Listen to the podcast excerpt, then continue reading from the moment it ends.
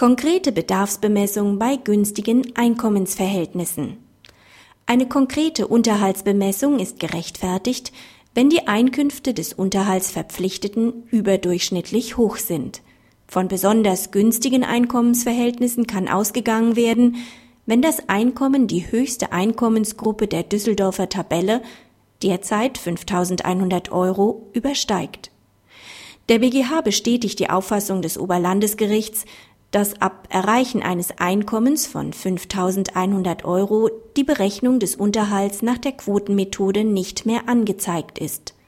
Der nacheheliche Unterhaltsbedarf ergibt sich nach 1578 Absatz 1 BGB grundsätzlich aus den ehelichen Lebensverhältnissen.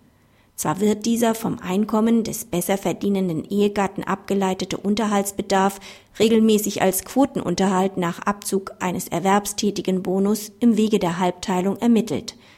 Diese Bedarfsberechnung beruht allerdings auf der Annahme, dass das gesamte vorhandene Einkommen für den Lebensunterhalt der Ehegatten verwendet wurde und wird. Bei besonders günstigen Einkommensverhältnissen liegt die Vermutung nahe, dass nicht sämtliche Einnahmen für den Lebensunterhalt verbraucht werden, sondern ein Teil von ihnen auch der Vermögensbildung zufließt. Mit dieser Entscheidung wird der bundesweite Streit über die Voraussetzungen, ab wann die konkrete Bedarfsberechnung vorzunehmen ist, beendet.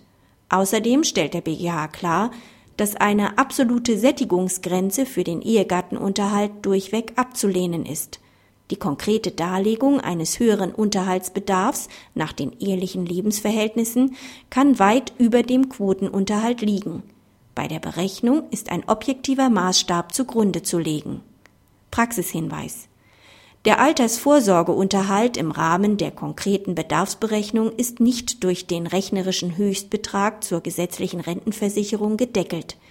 Der Betrag ist auf der Grundlage des Elementarunterhalts als fiktives Nettoarbeitseinkommen ohne Höchstgrenze entsprechend der Bremer Tabelle zu berechnen